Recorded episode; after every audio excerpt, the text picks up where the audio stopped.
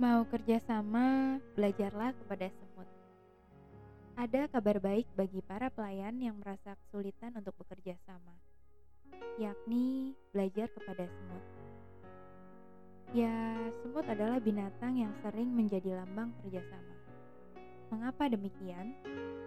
Karena senjata utama semut dalam mempertahankan kehidupan adalah dengan bekerja sama.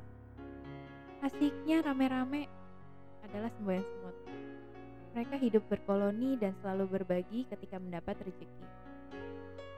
Jika mendapatkan cuan atau rezeki nomplok, si semut akan pulang ke liang melaporkan hasil penemuannya. Kemudian, mereka kembali untuk bergotong royong membawa pulang hasil buruannya. Sebetulnya sih semut bisa saja egois dan memakan sendiri hasil temuannya. Tetapi sayangnya tidak ada kamus egois dalam dunia semut. Coba kita kesampingkan ego dalam bekerja sama. Pasti kita akan mudah untuk bekerja sama. Karena penghambat terbesar dari kerjasama adalah masing-masing anggota selalu merasa benar. Semut adalah binatang yang suka memberi hormat. Jika mereka saling bertemu, pasti melakukan ritual tos, melakukan salam hormat, dan saling memberi semangat.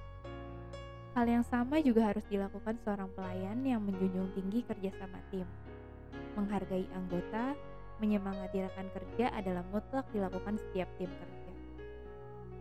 Jadi, kita jangan malu belajar kepada semut dalam bekerja sama.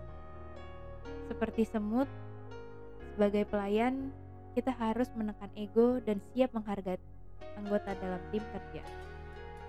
Dengan demikian, kita akan mendapatkan kesuksesan dalam bekerja sama. Selamat belajar!